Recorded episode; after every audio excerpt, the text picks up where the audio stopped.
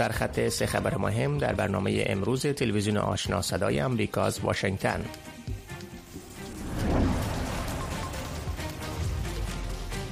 در ادامه تمرینات نظامی سه روزه چین در تنگه تایوان ایالات متحده خواستار خشتنداری شد و تاکید نمود که واشنگتن به تعهدات امنیتی خود در آسیا متحد باقی خواهد ماند.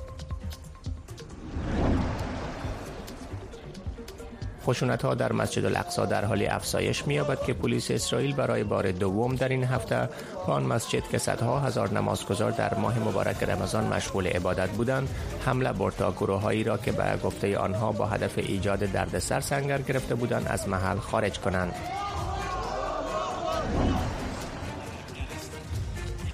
و به گزارش برخی رسانه های روسیه و ایران ازبکستان می خواهد نشست وزرای خارجه کشورهای همسایه افغانستان را بدون حضور نماینده طالبان به روز پنجشنبه 13 اپریل برگزار کند. سلام بینندگان گرامی به برنامه امروز خوش آمدین. امروز یک شنبه نهم ماه اپریل سال 2023 میلادی هست. برنامه امروز به طور مستقیم از طریق وبسایت و فیسبوک تلویزیون آشنا صدای امریکا و همچنین در رادیو روی موج متوسط 972 کیلوهرتز به نشر می‌رسد. من محمد احمدی هستم. در برنامه امروز مطالب مهم ما در صدرش موضوع تنش بین چین و تایوان هست و تمرینات نظامی سه روزه چین در آن منطقه هست. هم همکارم ژیلا نوری در استودیو با من هست و جزئیات بیشتر را با واکنش امریکا را گزارش خواهد داد.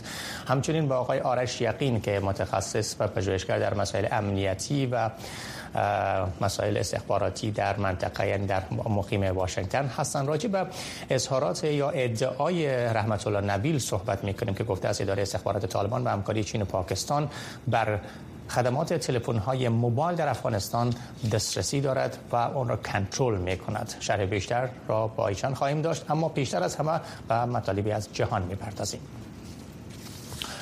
با ادامه تمرینات نظامی سه روزه چین در تنگه تایوان ایالات متحده خواستار خشتنداری شد و تاکید نمود که واشنگتن به تعهدات امنیتی خود در آسیا متحد باقی خواهد ماند. در حالی است که تایوان تاکید نموده است که های نظامی و های جنگی چین در مرز با این کشور مستقر شدند. همکارم ژیلا نوری گزارش های مرتبط را دنبال کرده و اکنون در استودیو با ماست. ژیلا جان آخرین تحولات در مرز چین و تایوان چی هست و واکنش ایالات متحده در این باره چه هست؟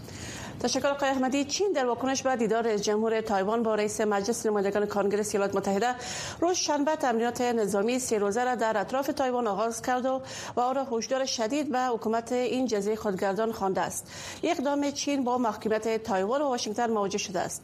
ایالات متحده در واکنش گفته است که از نزدیک اقدامات بیجینگ را زیر نظر دارد و بارها از چین خواستار خویشتنداری شده است.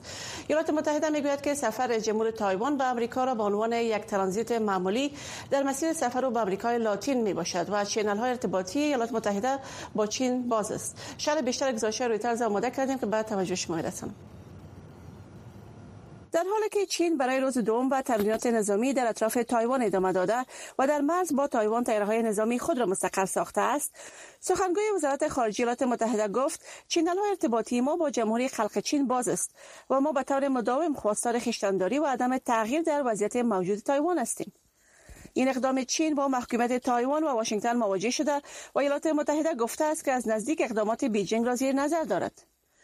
اردوی چین در بیانیه اعلام کرد که این عملیات سه روزه که شمشیر تیز متحد نام دارد به گفته رسانه های دولتی شامل تمرین محاصره تایوان است و تا روز دوشنبه ادامه خواهد داشت. سخنگوی وزارت خارجه امریکا گفت ما راحت و مطمئن هستیم که منابع و قابلیت های کافی در منطقه برای تضمین صلح و ثبات و اجرای تعهدات امنیتی ملی خود داریم. این در حال است که دو روز بعد از تمرینات نظامی چین در مرز با کشور تایوان باشندگان تایپی در برابر جنگ و نظارت نظامی از آبهای این کشور پس از سفر جمهور تایوان و ایالات متحده در هراس گیر ماندند. سفر رئیس جمهور تایوان به کشورهای مختلف باعث بلند رفتن آگاهی دیگران از تایوان در سطح بین المللی می گردد معلوم دار برخی اظهارات تهدیدآمیز لفظی و نظامی از سوی چین غیر قابل جلوگیری نیست. ولی من فکر می کنم غیر ممکن است که این امر ارعاب و ترس که برای مدت طویل جریان دارد برطرف گردد. ایالات متحده در مورد اینکه آیا از تایوان دفاع نظامی خواهد کرد یا خیر ابهام داشته اگرچه در چندین دهه پسین به این کشور سلاح فروخته تا از خود دفاع کند. مقامات ایالات متحده بارها از چین خواستند که از خشتنداری کار گرفته و سفر جمهور تایوان به امریکا را به عنوان یک ترانزیت معمولی در مسیر سفر و به امریکای لاتین توصیف کرده است. چین همیشه در مورد اتحاد صحبت می کند که نیازی برای آن نیست. به خاطر که از یک سو در مورد اتحاد صحبت می کند و از سوی دیگر با تمرینات نظامی این کشور را تهدید می کند بر اساس از سوی کنگره ایالات متحده تصویب شده است. امریکا استقلال تایوان را به رسمیت نمی‌شناسد اما متحد است تا آن جزیره را در زمینه دفاع از خود کمک کند. چین همواره از حمایت حکومت ایالات متحده از تایوان شدیدا انتقاد کرده است. جان کربی سخنگوی شورای امنیت ملی قصر سفید نیز هفته گذشته به خبرنگاران گفت که هیچ دلیلی برای واکنش شدید وجود ندارد. و افزود که این سفر در تطابق با رابطه دیرینه امریکا با تایوان و پالیسی امریکا برای چین واحد قرار دارد. پالیسی که تغییر نخواهد کرد. ژیلا نوری تلویزیون آشنای صدا امریکا واشنگتن. خشونت ها در مسجد الاقصا در حال افزایش می‌یابد که پلیس اسرائیل برای بار دوم در این هفته به آن مسجد که صدها هزار نمازگزار در ماه مبارک رمضان مشغول عبادت بودند حمله برد. تا گروههایی را که به گفته آنها با هدف ایجاد دردسر سنگر گرفته بودند از محل خارج کنند. مسجد الاقصا واقع در شهر قدیمی بیت المقدس محلی است که هم برای مسلمانان و هم برای یهودیان مقدس است. تنش ها در مسجد الاقصا در شهر قدیمی بیت المقدس صبح امروز یک شنبه در حال افزایش یافت که نمازگزاران مسلمان نماز رمضان را برگزار کردند و بازدید کنندگان یهودی که تحت تدابیر شدید امنیتی از این مکان بازدید کردند عید یهودیان را جشن گرفتند. خداوند سه بار در سال از ما می خواهد که به این مکان بیاییم و امسال در عید یهودیان امیدواریم که تا حد امکان یهودیان را تشویق کنیم که به اینجا بیایند عبادت کنند دعا کنند و به نمایندگی از علایق یهودیان به این معبد اینجا باشند. بازدید کنندگان یهودی که به دلیل وضعیت فعلی اجازه دعاخانی را ندارند در حالی که نمازگزاران مسلمان شعار خدا بزرگ است را سر دادند از محفته که در یهودیت به نام کوه معبد شناخته می شود عبور کردند. پلیس اسرائیل جمعیت را از هم جدا کرد. مسجد الاقصا که برای مسلمانان و یهودیان مقدس است در حال حاضر در جریان یک بحران امنیتی قرار دارد. این بحران هفته گذشته زمان آغاز شد که پلیس اسرائیل به مسجد داخل شد تا جوانان را از آنجا بیرون بیاورند که به گفته آنها در داخل آن سنگر گرفته بودند و سنگ و وسایل آتش افروز را با خود داشتند. ویدیوهای گرفته شده از صحنه نشان می دهد که پلیس نمازگزاران را مورد ضرب و شتم قرار می دهد این امر واکنش خشمگینی را در سراسر جهان عرب برانگیخت و باعث حملات میزایلی گروه های فلسطینی به اسرائیل شد. اسرائیل بالمقابل با حملات به ساحه های در غزه و جنوب لبنان و همچنین گلوله باری مرگبار بر فلسطینیان پرداخت که باعث کشته شدن دو نفر گردید. پس از یک سال تشدید خشونت های اسرائیل و فلسطین تنش ها به خصوص امسال به دلیل همزمان بودن ماه رمضان و عید یهودیان با تمرکز بر محوطه الاقصا در شهر قدیمی بیت المقدس افزایش یافته است. روز جمعه بر اثر تصادم یک موتر در اسرائیل یک سیاه ایتالیایی کشته و پنج نفر زخمی شدند. اوایل روز جمعه دو خواهر اسرائیلی 16 ساله و 20 ساله با ملیت مشترک بریتانیایی در اثر گلوله‌باری بر موتر حاملشان در نزدیکی شهرک یهودی نشین همراه در دره اردن کشته و مادرشان زخمی شدند. ده هزار نفر روز شنبه اعتراضات را علیه پلان های بنیامین نتانیاهو صدر اعظم اسرائیل برای تشدید کنترل بر محکمه عالیان کشور برپا کردند. این اعتراضات با وجود نگرانی فزاینده امنیتی بعد از وقوع دو حمله مرگبار یک روز قبل از آن برگزار کردید. در مرکز شهر تل جمعیت مردم بیرق های آبی و سفید رنگ اسرائیل را تکان دادند و این اعتراضات طی سه ماه گذشته در نمایش مخالفت علیه برنامه است که آن را آنها آن را تهدید موجود در بر دموکراسی اسرائیل می می‌دارند این رشته اعتراضات علیه این پلان ها که ماه گذشته در پی موجی از حملات و مظاهرات به تعلیق درآمد در حالی است که اسرائیل با تنش های فزاینده در چندین جبهه طی ماه رمضان مواجه است.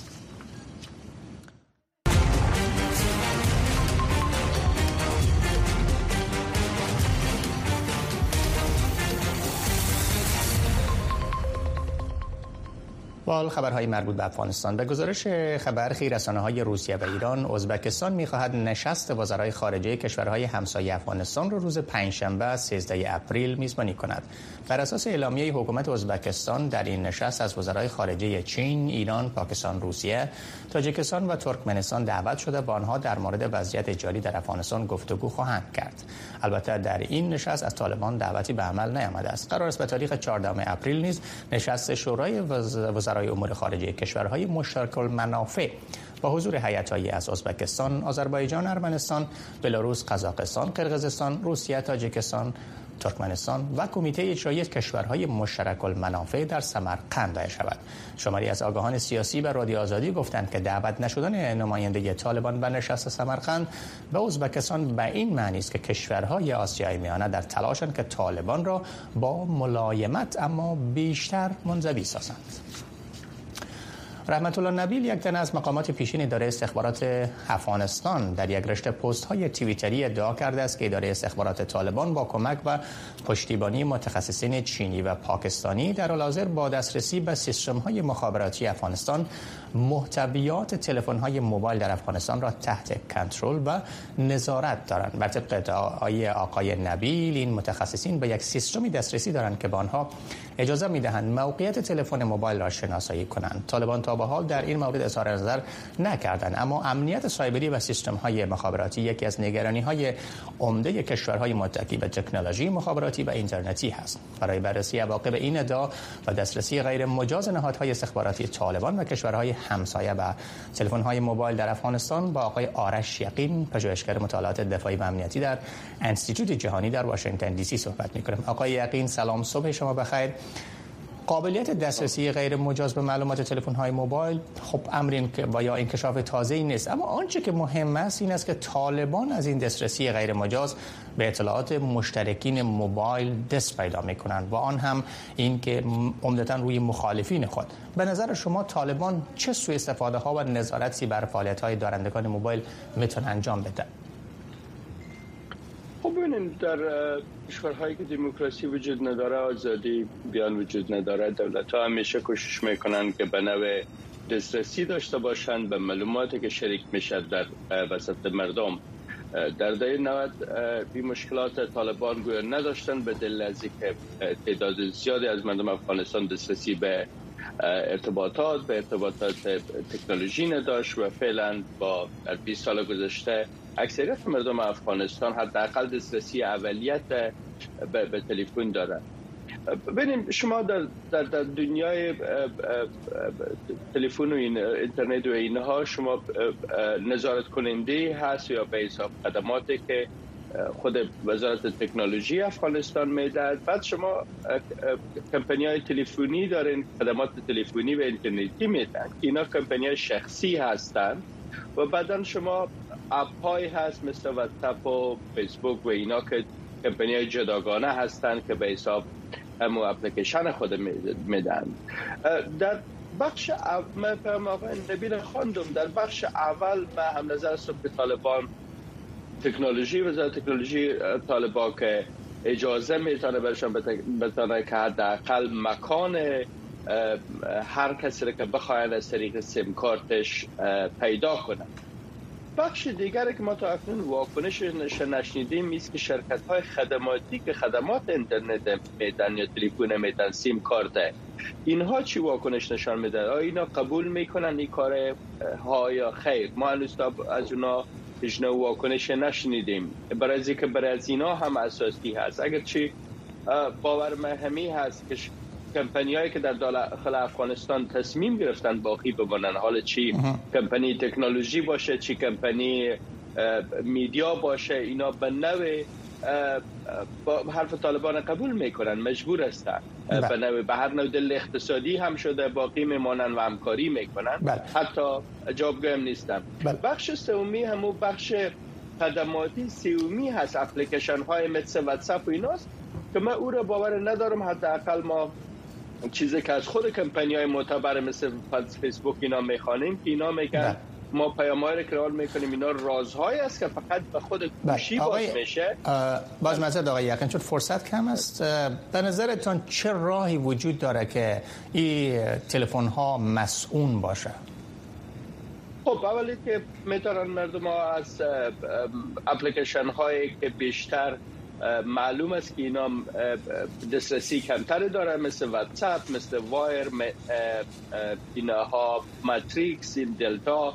اینا سیگنال اینا program هایی هست که می‌تونه کسی استفاده کنه که اینا پیام ها را کسی تومی به حساب یک دولت باز کردن نمی‌تونه دوم انتظار دارم که کمپانی های مخابر شرکت های مخابراتی که مثلا MTN و اینا هست در افغانستان اینا واکنش نشان بدن به دل از که خدماتی که به مردم میدن نباید جلو نباید که بعدا در این حال خدمات خود دسترسی به, به وزارت اطلاعات طالبان بمان تشکر. سپاس از شما جناب آقای آرش یقین و جوشگر مطالعات دفاعی و امنیتی در انستیتوت جهانی در واشنگتن دی سی که دیدگاه خود را و تحلیل خود در مورد این خبر بیان داشتن. سپاس از شما بخیر باشید.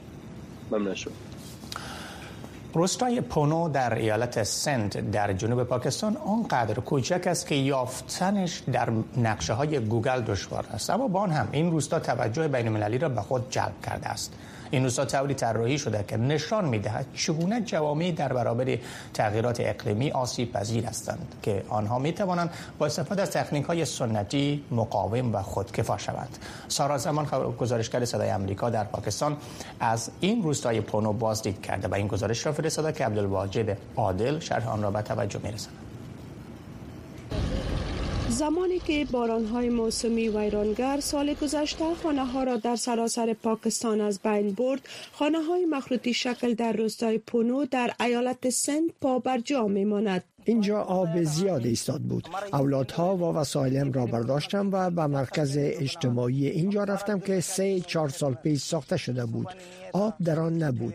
ما با خیال راحت آنجا ماندیم. روستای پونو که در اعماق ایالت سند در جنوب پاکستان قرار دارد به عنوان الگوی برای سازگاری با تغییرات اقلیم ساخته شده است. در اینجا به جای استفاده از کانکریت یا خشت خانه های مستحکمی با چوب نی گل آهک و کا ساخته می شود مواد طبیعی ارزان است به راحتی در دسترس قرار دارد و به محیط زیست آسیب نمی رسانند این روستا توسط یاسمین لاری انجینیر مشهور پاکستانی طراحی شده است که پس از سالها کار با بخش شرکت تجارتی نظرش در مورد ساختمان ها تغییر کرد. احساس می کردم که در کل در سکتور شرکت های تجارتی گیر ماندم جایی که شما و تلاش برای انجام کارهایی برای ثروتمندان ادامه می دهید من یک زندگی بسیار مرفه ممتاز داشتم جایی که آدم چیزی زیادی در مورد فقر نمی داند زلزله سال 2005 که نزدیک به 80 هزار تن را در شمال پاکستان هلاک کرد خانم لاری را به فکر ساختن مسکن مقاوم در برابر آفات طبیعی انداخت. و به تکنیک های قدیمی ساختمانی که در بیابان های جانبی و کوههای شمالی پاکستان از آن استفاده می شد روی آورد. من نمی‌توانم به این موضوع بسنده باشم که بگویم این یک وضعیت اضطراری است و می‌توانم از هر نوع مواد استفاده کنم. مهم نیست که چقدر به سیرگی زمین آسیب میرساند. اما در دنیای امروزی که تحلیل تغییرات اقلیمی بسیار قریب الوقوع این دیگر قابل قبول نیست. با کمک داوطلبان تیم های خانم لری و آموزش مردم محل آنها توانستند که هزاران خانه مقاوم در برابر آفات طبیعی و پناهگاه های سازگار با محیط زیست را آباد کنند. اکثر خانه ها در روستای پونو پس از سیلاب های سال گذشته ساخته شده است و به سرعت در این منطقه در حال محبوب شدن است. مردم سایر قریه ها نیز می‌گویند که ما همچنین خانه می خواهیم مأموریت این انجینیر پاکستانی برای ایجاد جامعه خود پایدار افزایش یافته است. من با شوهرم با موتورسیکلت به قریه های دیگر می رویم من زنان را آموزش می دهم که چگونه دیگدان های خوب درست کنند پول در بیاورند و اصر به خانه برگردند. در حالی که پاکستان پس از سیل های عظیم سال گذشته که 33 میلیون نفر را متاثر ساخت از جامعه بین المللی خواستار امداد شده است. اما خانم لاری معتقد است که کمک های خارجی راه حل نیست. یاسمین لاری توسعه می کند که کوشش شود که مردم را با خیرات عادت ندهید بلکه کوشش شود مهارت های لازم و ظرفیت های آنها را تقویت کنید و مردم خود می توانند معجزه بیافرینند رویا زمانی تلویزیون آشنای صدای امریکا یک مرد 50 ساله و دختر 11 سالش در حمله نیروهای روسی بر یک ساختمان رهایشی در شهر زاپورژیا صبح یک شنبه کشته شدند. تصاویر ویدیویی نشر شده توسط خبرگزاری رویتر از یک خانه شخصی ویران شده را در حومه جنوب شرقی این شهر نشان می‌دهد. اداره خدمات حالت اضطراری اوکراین همچنین گزارش داد که یک زن 46 ساله که همسر این مرد است و مادر قربانیان بود از زیر آوار بیرون کشیده شده است. منشی شورای این شهر گفت که دو مسائل در حمله شب هنگام یک ساختمان را تخریب کرد و بعد ده ها ساختمان دیگر آسیب رسانده است. این حمله تازه ترین انکشاف از رشته حملات روسیه بر اهداف غیر نظامیان در این منطقه توسط آن کشور است. 14 کودک یتیم قهرمانان جنگ اوکراین با همکاری تعدادی از داوطلبان امریکایی فرصت یافتند تا دو هفته تعطیلی خود را در شهر درنور ایالت کلرادو امریکا سپری کنند. خبرنگار صدای امریکا در این باره گزارش را تهیه کرده است. روی زمانی آن را تقدیم می کند. کریستینا موردی که از ماریپول اوکراین است. پدرش در گارد میلی اوکراین ایفای وظیفه می‌کرد و در سال 2022 در جریان جنگ در کارخانه فولاد آزوفاستل کشته شد.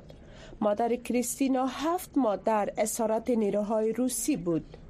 کریستینا همراه با 13 کودک یتیم قهرمان جنگ اوکراین فرصت یافتند که دو هفته را در ایالات متحده آمریکا سپری کنند و تشکر از داوطلبان محلی که در این راستا تلاش کردند. من عاشق قایقرانی هستم. ما از تپه ها پایین رفتیم. طبیعت اینجا خیلی زیباست. من از این فرصت و برای احساساتی که ما در اینجا تجربه می کنیم خیلی سپاسگزارم. سیر و سیاحت ایالات متحده برای 14 کودک اوکراینی توسط داوطلبان محلی اجامه اوکراینی و همچنان ابتکارات محلی و کلیسای محلی امکان پذیر شد. ایده طرح سازماندهی این برنامه توسط یکی از داوطلبان ما که عضو سابق گارد ملی بود پیشکش شد که در آن از ما خواسته شد تا آوردن فرزندان یتیم سربازان اوکراینی را به اینجا در نظر داشته باشیم مفکوره این داوطلب صریحا جان گرفت و این دسته توانستند تا پول کافی برای این اقدام جمع کنند. در اصل هدف ما 20 هزار دلار بود اما توانستیم که 25 هزار دلار جمع کنیم. این کار ما را خوشحال ساخت. حامیان مالی و مردمان بسیار مهربان زیاد اینجا موجود هستند. ما لبخند بچه ها را می بینیم و می دانیم که این اقدام ما بی‌جا نبوده است. آنا داتسکو از لویف است. پدرش در اپریل سال 2022 در منطقه لوهانسک درگذشت. من مردم اینجا را دوست دارم. آنها مردمانی هستند که فوق العاده از ما استقبال کردند ما از چندین شهر دیدن نمودیم و اما موزیم واقعیت مجازی بیشتر خوشم آمد. هر روز سفرها و تورهای کوچک صورت می گرفت. داوطلبان با بنیاد کالارایدان برای اوکراین یک برنامه بیرون رفتن را سازماندهی می کردند. امروز ما باید با قطار به قله پایکس برویم. این کوه چهار هزار متر ارتفاع دارد. ما همچنین به باغ خدایان می رویم و پیاده روی می کنیم. می خواهیم کودکان تجربه خوبی داشته باشند. در جریان تعطیلات کودکان همچنان با اجتماع محلی اوکراین در کالارادو اسپرینگ دیدن کردند. من طرفدار سرسخت باسکتبال هستم. من خودم بازی می‌کنم. بنابراین برای من تماشای یک بازی باور نکردنی بود. هریگوروفاس است. پدرش در جنگ به شدت زخمی شده بود. اما بعد از یک پروسه طولانی شفایابی دوباره به خط مقدم جبهه برگشت. در حال حاضر او در شهر باخمود در مقابل نیروهای روسی می جنگد بسیاری از خانواده های محلی که میزبان این کودکان هستند می‌گویند که آنان می‌خواهند تا خانواده ها و کودکان اوکراینی بیشتر را در آینده کمک کنند. رویا زمانی تلویزیون آشنای صدای امریکا در امریکا تعطیلات می تواند یک جشن باشد. بسیاری از مردم در تعطیلات در ایالات متحده اغلب خانه هایشان را تزیین می کنند اما عموما این تزیینات و دکوراسیون ها مصادف با تعطیلات و جشن های غربی می باشد حالا برخی از خانواده های مسلمان در ایالات متحده راه های منحصر به فردی برای جشن گرفتن در ماه مبارک رمضان پیدا کردند. دنیا ایمان خبرنگار صدای امریکا گزارشی دارد که فرخنده پیمانی شرح آن را تقدیم می کند تزئینات و دیکور کردن خانه برای تجلیل از هالوین در ماه اکتبر و نمایش های شاد و جالب دیگر در هنگام تعطیلات کریسمس و امسالان در امریکا مروج است. و این تزیینات همیشه توجه آیش صبحان مادر دو فرزند را که از افغانستان به ایالات متحده مهاجرت کرده است به خود جلب می کرد من و اطفالم واقعا مجذوب چراغا و وسایل تزیینی بادی که در اطراف سرک و خانه ما هستند می شویم بنابراین ما هر شب در تمام فصل زمستان در چهار اطراف منطقه ما قدم می‌زنیم و این تزینات را تماشا می‌کنیم. آیشه صبحان با الهام از آنچه در این مدت دیده است شروع به ساختن تزینات خود کرده. و اما فرق آن است که همه آن برای مسلمانان و مراسم اسلامی است. او حالا در ساکرامنتو کالیفرنیا زندگی می کند جایی که سال گذشته فروشگاه خود را به نام ایرا ترند را اندازی کرد. دلیلی که من این کار را شروع کردم اطفالم است چون از آنجایی که من هیجان آنها را برای داشتن این وسایل تزینی بادی یا تزینات نوری که دوست دارن احساس می کنم مطمئن هستم که والدین دیگر نیز همین احساس را برای اطفالشان دارند اما متاسفانه آنها نمی توانند این کار را انجام دهند یا جشن بگیرند به همین دلیل است که اکا پانگستوتی وینگ مسلمان امریکایی اندونزیایی اصل می‌خواست خانه‌اش را که در منطقه سان فرانسیسکو است با تزینات رمضانی تزیین کند. با آیشه تماس گرفت و از او خواست تا برخی از آنها را طراحی و تزیین کند. ما در ماه رمضان دوست داریم فضای داخلی خانه خود را هم تزیین کنیم. ما همه جا نماز می‌خوانیم. این به فرزندان ما وقت در خانه هستند یک تجربه عالی است و اس خوب می‌دهد. کوچکترین فرزند او که گوین نام دارد با او هم نظر است. فکر می کنم لذت بردن از تعطیلات کار عالی است. ما در خانه با نصب بنرها و تزینات بادی که در همه آن پیام های رمضان یا عید مبارک درج است برای خود سرگرمی ایجاد کرده ایم. یک عالم دین اسلام می‌گوید که هیچ دستور دینی در مورد منع تزینات روی چمن یا در اطراف خانه وجود ندارد و به نظر او این مفکوره مثبتی است که می‌توان انجام داد. این می‌تواند بخش از اعلام ایمان یک فرد باشد. این نشان می‌دهد که رمضان اینجاست. به ویژه برای اطفال. اطفال دنیایی از بازی و سرگرمی را تجربه می کنند بنابراین این تزینات بیشتر جنبه مثبت دارد. اطفال توسط این می‌توانند اسلام را نه تنها یک چیز جدی و سخت بلکه می‌توانند آن را به عنوان یک چیز لذت بخش نیز ببینند. مانند بسیاری از جوامع مهاجر دیگر مسلمانان اندونزیایی در ایالات متحده نسبتا با هم نزدیک هستند و بسیاری از آنها برای فعالیت های ماه رمضان مانند مطالعه و نماز خواندن گرد هم جمع می شوند و مانند همسایگان غیر مسلمان خود آنها نیز می توانند شادی خود را به اشتراک بگذارند و اعتقادات خود را از طریق این تزینات جشن بگیرند. فرخنده پیمانی تلویزیون آشنا صدای امریکا واشنگتن. بینندگان عزیز این بود داشته های برنامه امشب تلویزیون آشنا. صدای امریکا تا لحظاتی بعد شما شنونده و بیننده نشرات رادیو آشنا صدای امریکا خواهید بود که به گونه زنده نشر می شود خدا حافظ شما